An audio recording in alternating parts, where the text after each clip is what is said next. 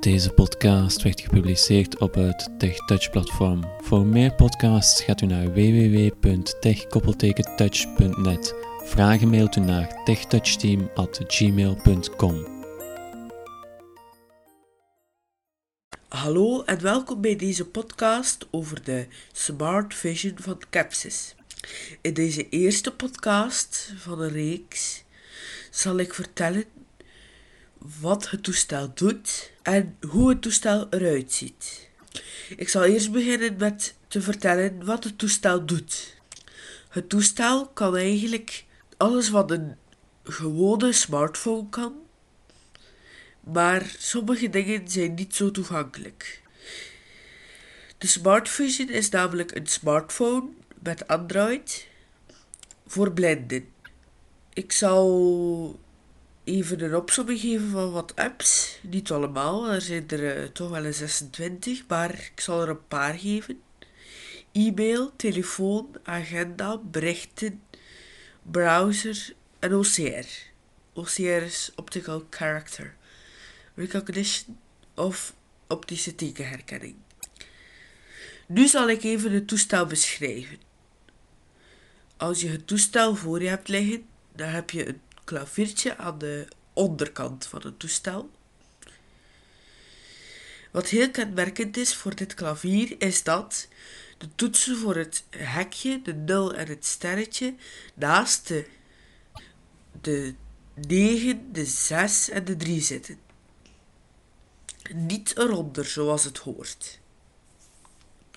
Boven de toetsen, boven de cijfers, zitten nog een rij van vier toetsjes, namelijk links oké, tweede van links pijl omhoog, tweede van rechts pijl omlaag. En terug. Links en rechts, links, oké is ook groen telefoontje. En rechts is ook rood telefoontje. Boven de rij van de instellingstoetsen heb je een touchscreen. Van ongeveer 8 à 9 centimeter lang diagonaal. En dan als je het toestel rechtop houdt, heb je bovenaan rechts een knopje waarmee dat je het toestel in of uitzet. Dan heb je een openingetje, eigenlijk twee direct achter elkaar, voor een touwtje aan te hangen. Bij mij hangt er nu eentje aan. Daarna nog eens links dus dat touwtje was in het midden. En dan helemaal links heb je een oortjes voor oortjes. Een line out. Als je dan naar de linkerzijkant gaat, heb je helemaal niets. Totdat je op een rechthoekig knopje stuit.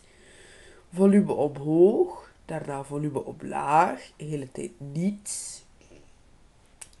Tot aan de hoek. En dan onderaan heb je een micro in het linker onderhoekje. En heb je twee gaatjes waarmee dat je het toestel in een dockstation of een bureaulader kunt zetten. Dan weer de hele tijd niets, dan ga je langs rechts omhoog tot je een knopje tegenkomt. Dat is om de spraak te bedienen. Als je het kort indrukt, kun je de telefoon een spraakcommando geven. Als je het lang indrukt, kun je tekst dicteren. Voor dit laatste heb je wel echter een internetverbinding nodig. Als je dan nog een heel klein beetje omhoog gaat, heb je de aansluiting voor het netstroom of de USB-kabel. Als je dan naar de onderkant gaat kijken, dan zie je het klepje van de batterij is er alleen met je nagels af te halen. Dat zal ik nu niet doen. Dat uh, wordt wel gedaan bij uh, de verkoper. Maar goed. Als je, dan, als je het toestel met het scherm naar je toe houdt, als je op de achterkant voelt, helemaal links, heb je de luidspreker. Dan heb je een camera en daaronder een flitser. En dan heb je een noodoproepknop. Deze staat standaard uit. Het toestel kost ongeveer 640 euro. Dit is redelijk veel, dus u moet een beslissing maken tussen iPhone en dit toestel. Dit toestel is vooral goed voor de mensen die van een Nokia overstappen en die daarom die wel een smartphone willen, maar wel een met toetsen.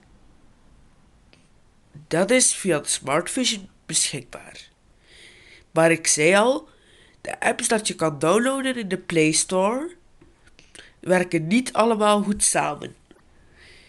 Ik hoop dat u genoten heeft van deze podcast.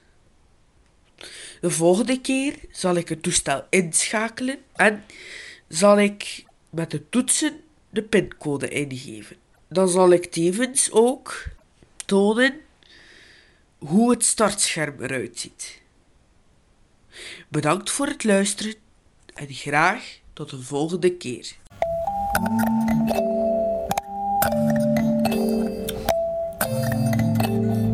Bedankt voor het luisteren naar deze podcast. Wil je meer podcasts horen? Surf dan even naar onze website www.tech-touch.net.